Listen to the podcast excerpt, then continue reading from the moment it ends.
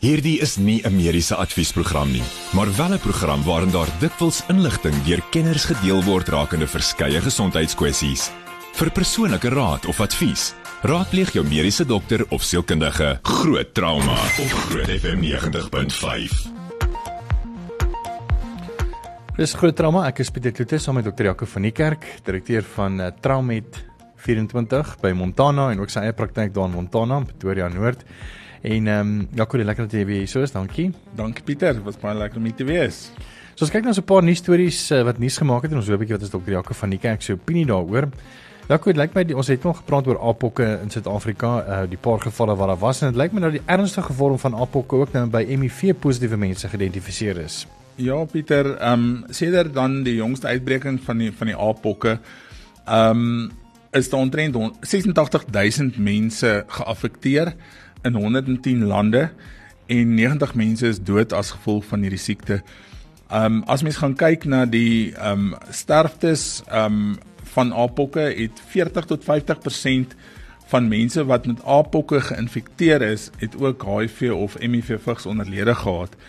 Ehm um, en ek dink dit is eintlik maar 'n logiese ding. Ek weet nie hoekom hulle eintlik so groot boei daarvan maak nie, want aan die einde van die dag dink ek enige iemand wat aktiewe HIV siekte het en 'n CD4 telling het wat verlaag is, um met dan uit die aard van die saak 'n ingekorte immuunstelsel, um gaan vatbaar wees vir hierdie opportunistiese infeksies en hulle gaan baie makliker geïnfekteer word nommer 1 en nommer 2 baie makliker komplikasies kry omdat hulle liggame dan uit die aard van die saak nie um kan reageer op hierdie op hierdie infeksie nie.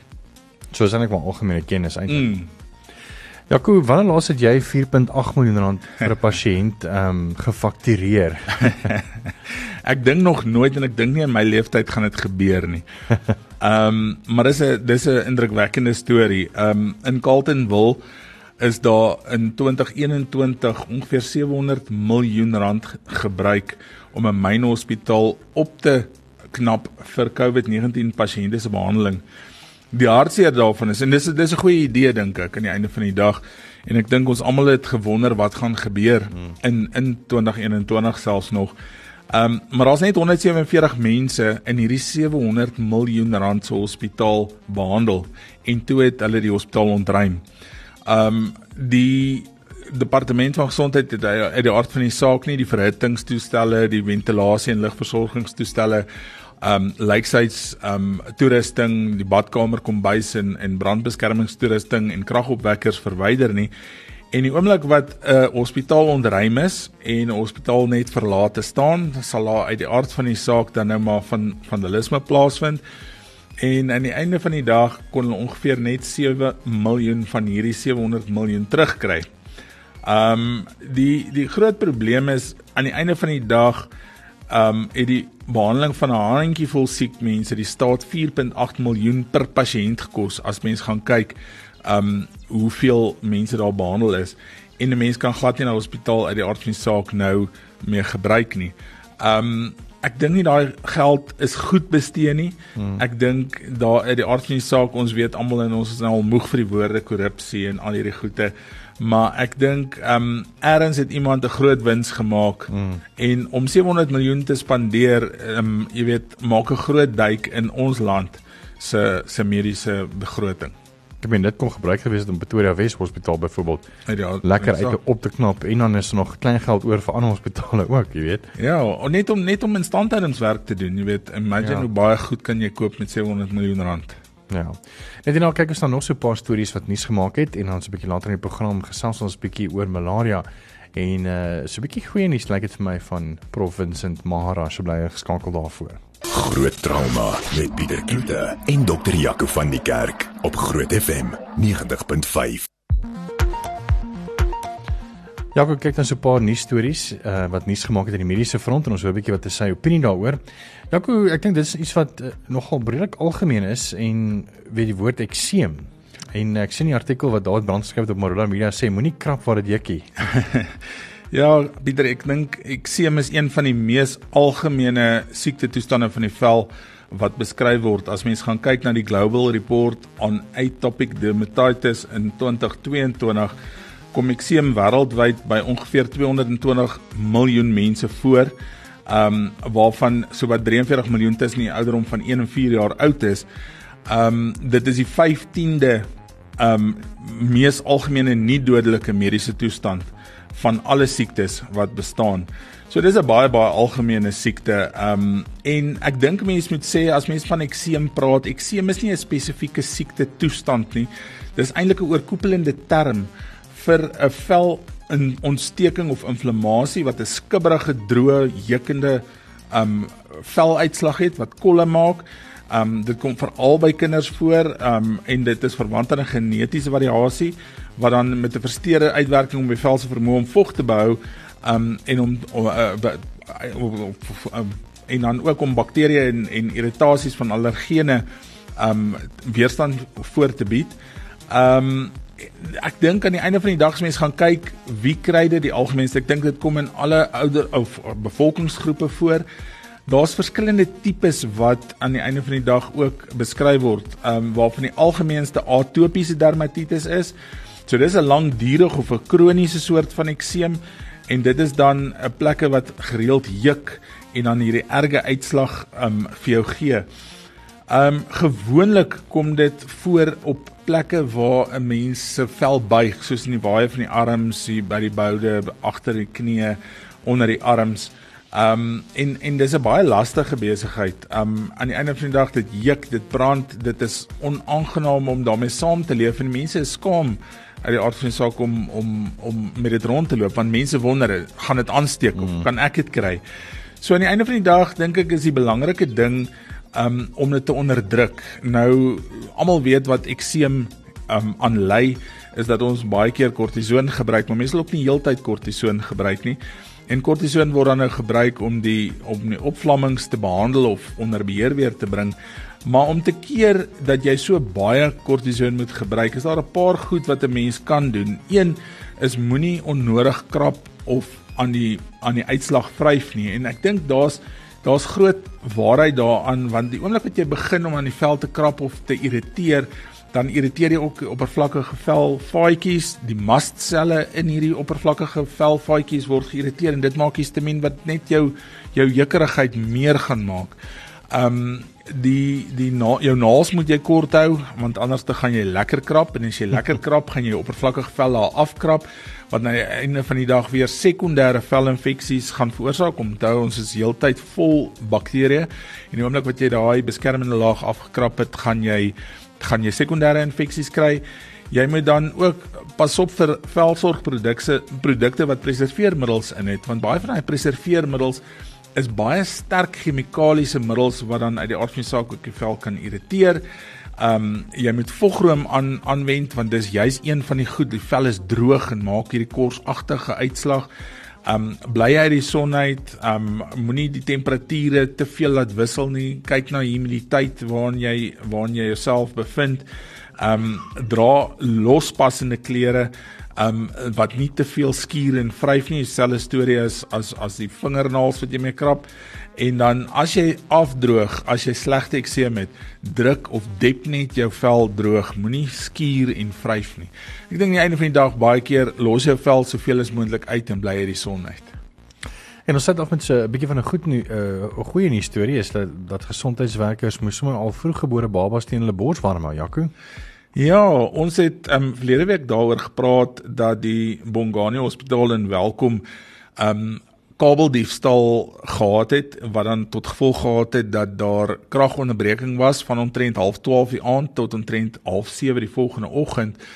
En uit die aard van die saak die naaste private hospitaal waar waar na uh die die pasgebore babas en die premature babas oorgeplaas kan word is ongeveer 3 km van hierdie hospitaal af almal kon ook nie gelyk oorgeplaas word nie. Um en aan die einde van die dag ons weet premature babas kan nie hulle temperature reguleer nie.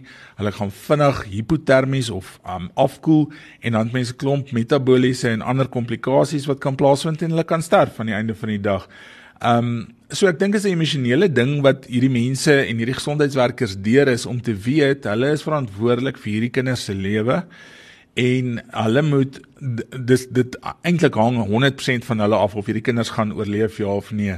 Hmm. Mens moet ook onthou baie van hierdie pasgebore babas en premature babas veral word geventileer en 'n ventilator het 'n battery maar 'n battery hou ook net so lank. So aan die einde van die dag wanneer hierdie battery dan afgeloop het, moes van hierdie gesondheidswerkers hierdie babas ventileer met 'n hand. Jy ken nou die um, bag valve mask hmm. manier. Mm. En hulle daai daai babas met die hand ge, geventileer. En om 'n babatjie te ventileer is ook 'n baie moeilike ding want as jy te veel gee, uh te veel lug per of volume gee, dan gee jy barotrauma of druktrauma aan die long en as jy te min gee, dan raak jy hipoksies, jy kry suurstoftekort. So jy moet net die regte hoeveelhede gee.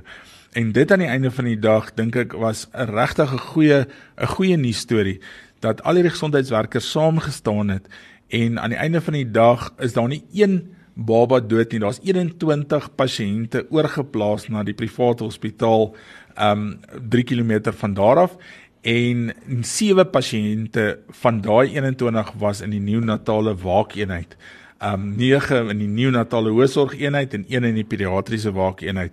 4 was dan nou volwassenes in die in die hoësorg en en intensiewe sorgeenheid. Um so ek dink dit is regtig waar mense kan mense kan jou hoed afhaal vir hierdie dokters en verpleegkundiges wat regtig goed saamgewerk het in 'n baie slegte situasie knap gedaan vir hulle. Bly ons skakel net hierna gaan ons voort met groot trauma. Met die volgende program bo Groot FM 90.5 om jou as luisteraar met die nodige inligting oor 'n spesifieke onderwerp te voorsien. Alhoewel hierdie inligting dikwels deur 'n kenner op die gebied gedeel word, word jy aangemoedig om jou mediese dokter of sielkundige te besoek vir persoonlike advies of raad. Groot trauma met Pieter Kloete en dokter Jaco van die Kerk op Groot FM 90.5.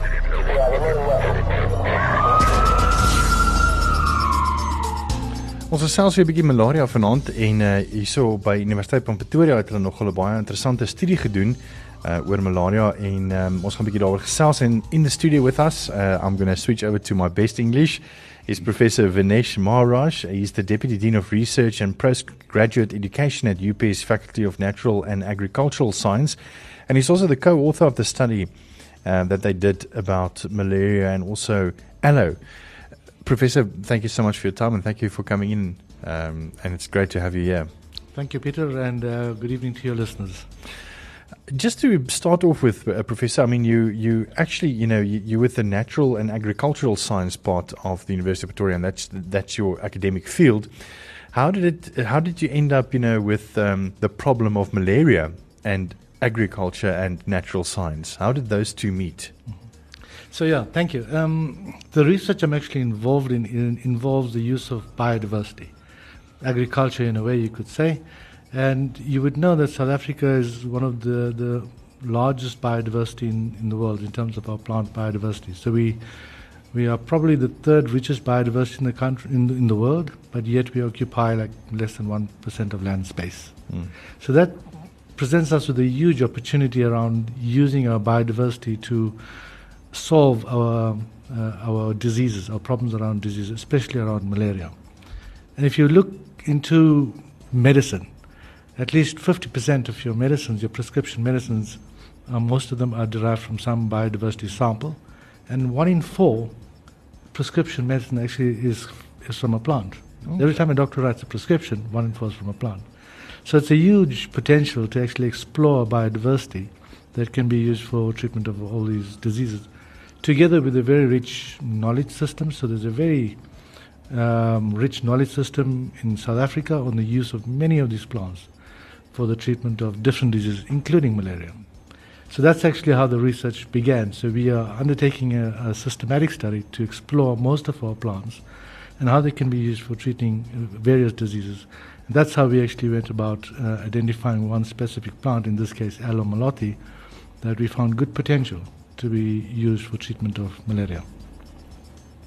And uh, you know, how did you come to, how, how, did you find that aloe um, could work for this? Because I mean, I know aloe has got very other various benefits, you know, that, that we've seen in various other studies. Um, but how did how did you uh, put put take this study with the um, with the student that obviously did his PhD in this study uh, to to do this?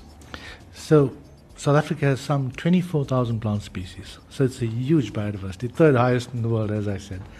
So the systematic study is ideal to take all 24,000 plants and evaluate them, but that could take a lifetime. Ja. So, as part of the systematic study, we undertook a study to collect most of them. So we collected some 11,000, and then we kind of stopped because it started to get uh, very large numbers. And then we look at um, how do we go about selecting plants that we could test for malaria.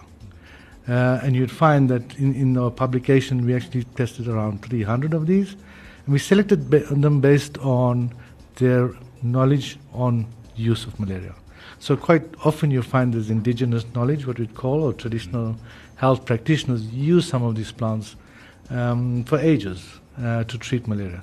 Very similar to the Chinese medicine called artemisinin, that is one of the frontline treatments of malaria, historically used in China to treat malaria.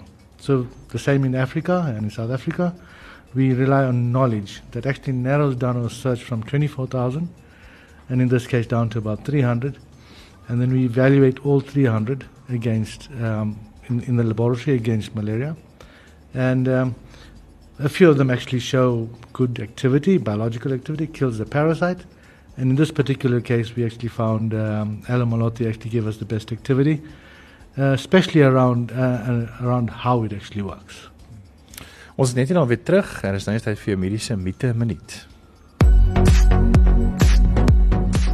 Ons praat 'n bietjie oor malaria en ek dink almal dink malaria kan deur enige per- ou muskiet oorgedra word. Dit is gewoonlik die Anopheles muskiet, maar net die net die wyfie muskiet kan malaria oordra. Die mannetjie muskiet van van die Anopheles spesies is eintlik 'n planteter of hy hy, hy voed op nektar en ehm um, is glad nie een van die oordraers van malaria nie. So ek dink daar's daar's een van die groot mites is dat alle muskiete wat malaria dra, ehm um, is is maak nie saak manlik of vroulik nie, dis verkeerd.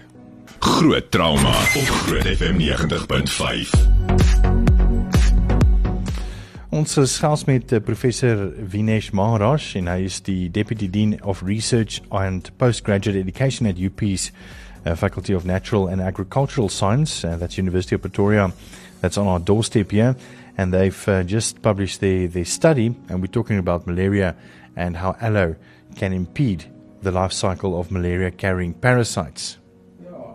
It's uh, such an important study because um, if you look at the statistics, they say the World Health Organization estimated that in 2019 there were about 229 million new cases of malaria, um, resulting in uh, just above uh, 400,000 deaths.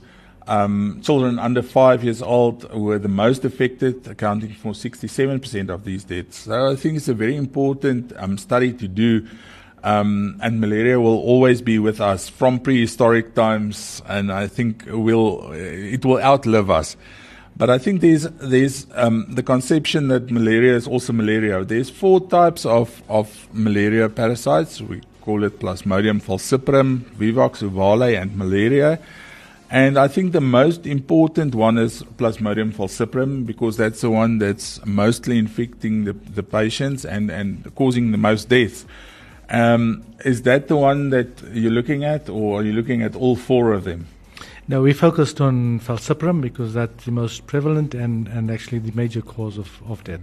And how did you go about going th- through the life cycle? Just just in basic terms, because I, I know the life cycle of the of malaria can be quite um, impressive and, and very complex. Um, just go through for the listeners maybe the, the life cycle and where the the plant um, interfe- interferes or intervenes with the with the um, malaria. So it, it starts off with a mosquito bite, and, and the mosquito is really the vector, it carries the parasite, in this case Plasmodium falciparum. And when it bites, it then injects um, into the human, into the blood, injects the parasite. And the parasite then starts to, to replicate and grow and gets to a point where we call it the liver stages. The liver stage is also known as the asexual stage. And it's at that stage when it affects, the, the liver that people get very sick and often results in death if it's untreated. Uh, and most treatments that actually work right now, in fact, the most common treatment is is artemisinin.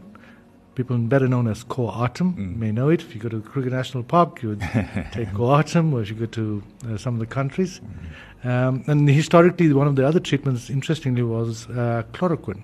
Mm-hmm. By the way, chloroquine was also discovered from a from a plant uh, in, in in the southern hemisphere in, in Chile. Yeah.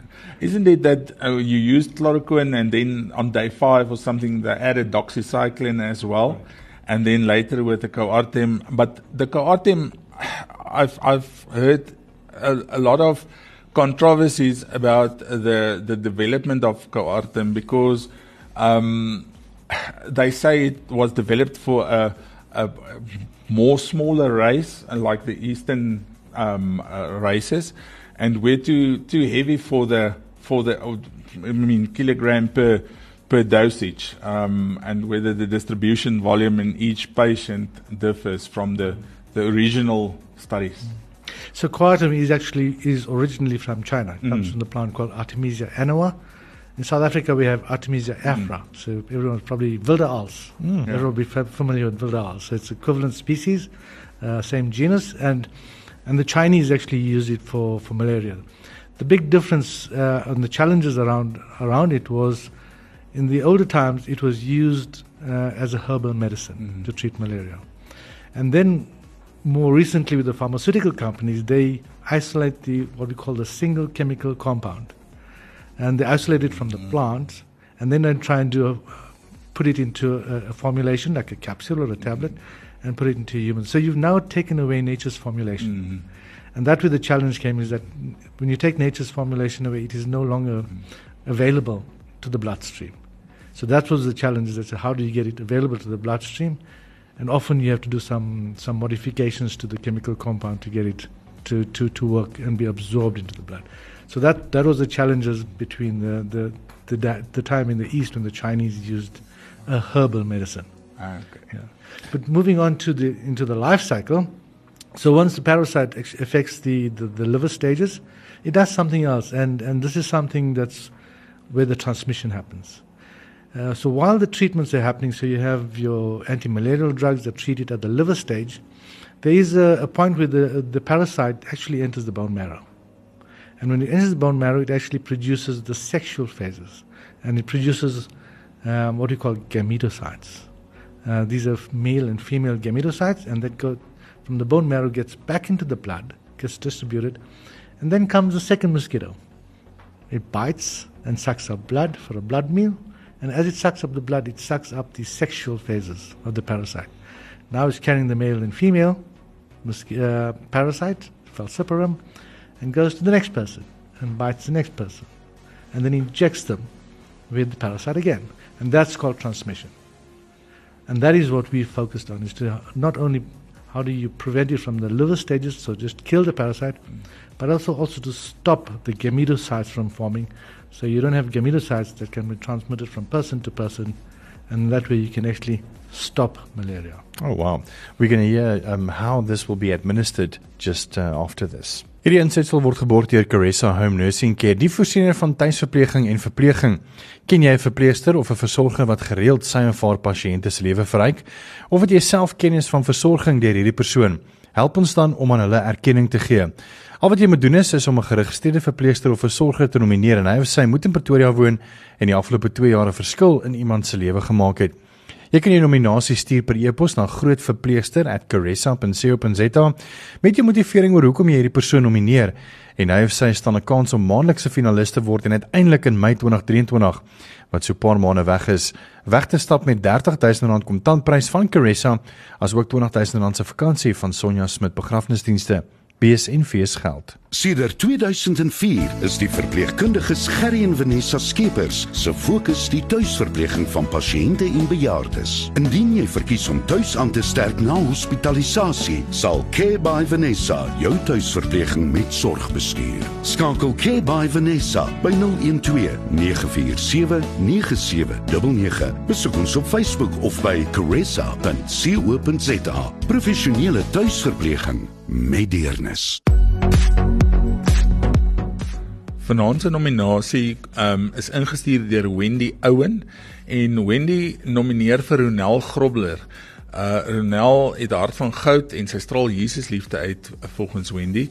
Um Wendy sê Ronel het vir 23 jaar by Suid-Afrikaanse Hospitaal gewerk en het in Julie 2021 en dan tot op hede by huisrus gevind aangesluit. Um sy's betrokke of Wendy is betrokke by by hierdie betrokke huis. Um en sy sien hoe Ronel van haarself gee en dat um sy 'n seën is vir almal in wie se lewe sy betrokke raak. So vanaand is dit Ronel. So as jy graag weet van 'n verpleegster of 'n versorger wat jy graag wil nomineer en uh, hy of sy met in Pretoria woon die afgelope 2 jaar en 'n verskil in iemand se lewe gemaak het, stuur die nominasie na grootverpleegster@caressa.co.za met die motivering natuurlik en uh, hoekom jy hierdie persoon nomineer en hy of sy staan 'n kans om 'n finalis te word aan die einde van hierdie maand wat dan uiteindelik in Mei moontlik kan wegstap met R30000 kontant van Carissa en ook 'n R200000 se vakansie van Sonja Smit begrafnisdienste. Groot trauma met Pieter Kloete en dokter Jaco van die Kerk op Groot FM 90.5.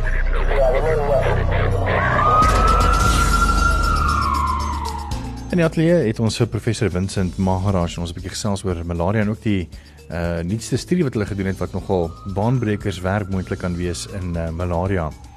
Yeah, so if I understand correctly, um, the the aim is to break the or cycle or the life cycle in the sexual phase, and if you obviously succeed in that, you can eradicate malaria. Am I correct?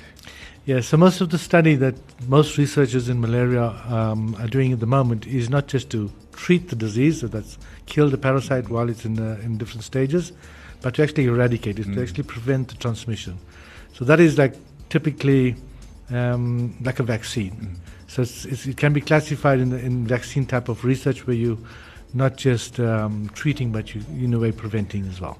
So you would take it as a preventative medicine, like a prophylactic medicine. So when you go to the Kruger National Park, you take prophylaxis. Um, would you take this as a prophylactic um, drug, or when when would you take it? So that, that, that part of the work needs to be done. Mm. So the, the, next phase, uh, moving this uh, discovery that we've made, uh, has been done in the laboratory. And in order, in order to get it commercialized, actually approved by the, the drug authorities, we need to do clinical studies. So we're now moving in the direction of getting the safety studies done uh, and, and clinical studies, and that obviously requires a lot of funding because this is where a lot of money is spent and we, we're raising funding to actually do the clinical studies. During the clinical studies, we actually um, the, the, the studies actually uh, indicate when the treatment will actually happen or when the, actually the dosage will happen. So either as a prophylactic or even during during treatment as well, uh, because the the idea is that just to stop the next parasite from forming, mm. to stop another one from forming. And as, as time progresses, just like COVID, mm. it'll eventually eradicate itself. Yes.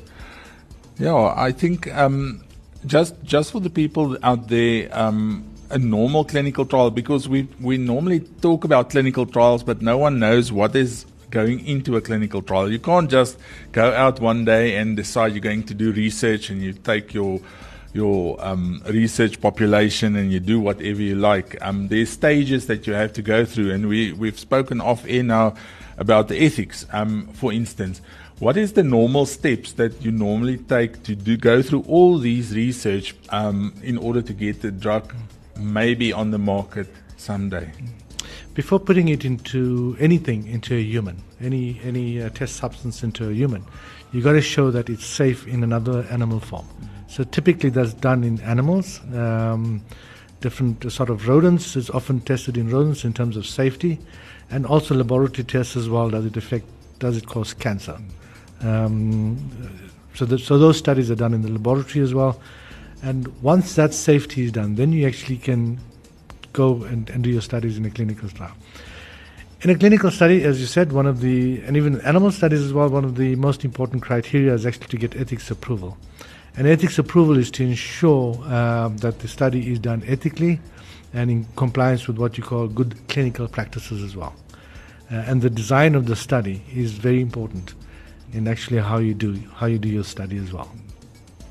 I know it's important, obviously, to get the ethics approved, but uh, I mean, why don't you just take this to another country that you know don't really, you know, their ethics is not really up to standard, perhaps? Um, we've seen this, you know, with um, uh, with countries like Russia and, and China, perhaps, you know, when it comes to cloning, you know, that there's a bit more grey uh, areas when it comes to ethics mm. in certain countries, mm. or is it just a, a moral thing? Yeah.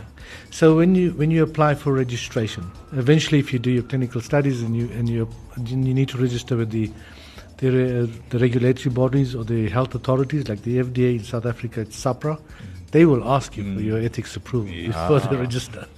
All right, so that's that's one of the big key requirements. In addition to that, many countries in the world signed the Helsinki Protocol, which is, um, is, is the guidelines to actually do clinical studies. And if you are signatories to the Helsinki, Helsinki Protocol, then you should actually follow um, ethics approvals.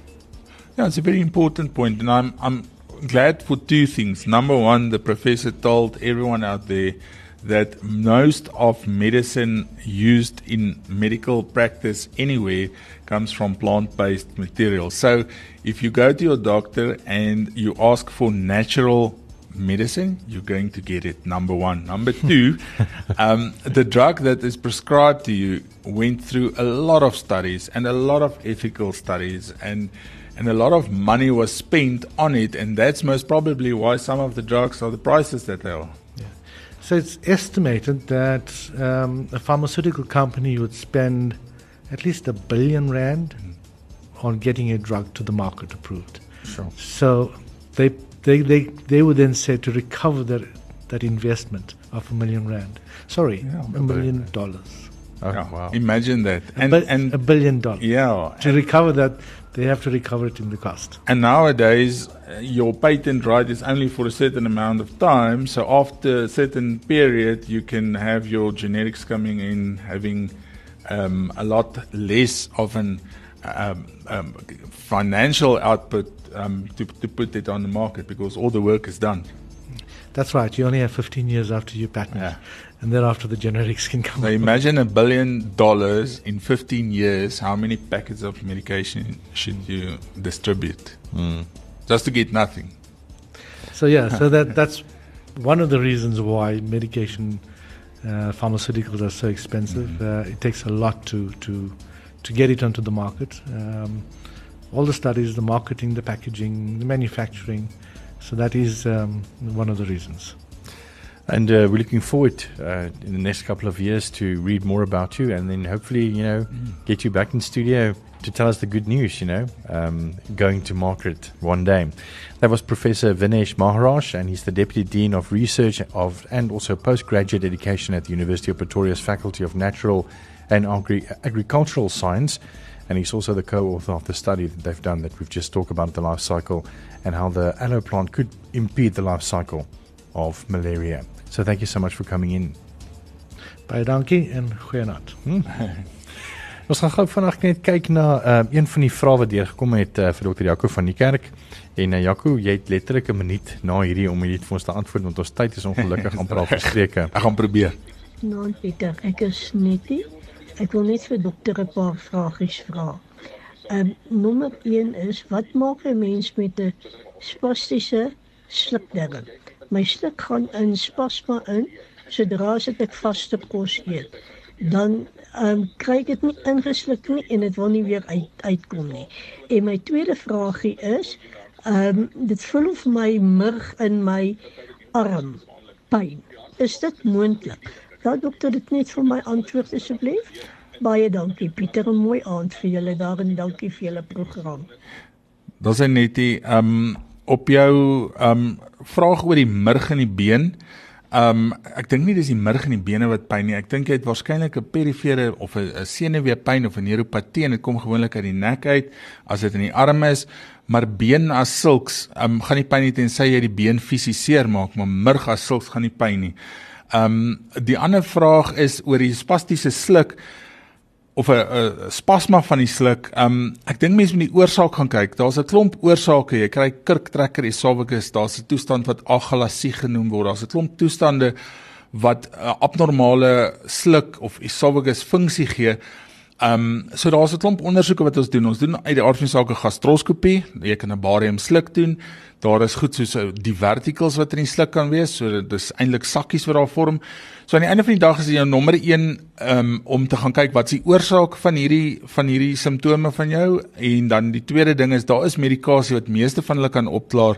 Maar sê nou maar byvoorbeeld jy het 'n divertikel of jy het 'n groot breek wat maak dat jy nie goed kan sluk nie of wat daai onderste spasma veroorsaak, dan kan dit selfs op geopereer word. So aan die einde van die dag dink ek die belangrikste is om die oorsaak te gaan soek eers. Groot trauma met Pieter Kloete en dokter Jaco van die Kerk op Groot FM 90.5.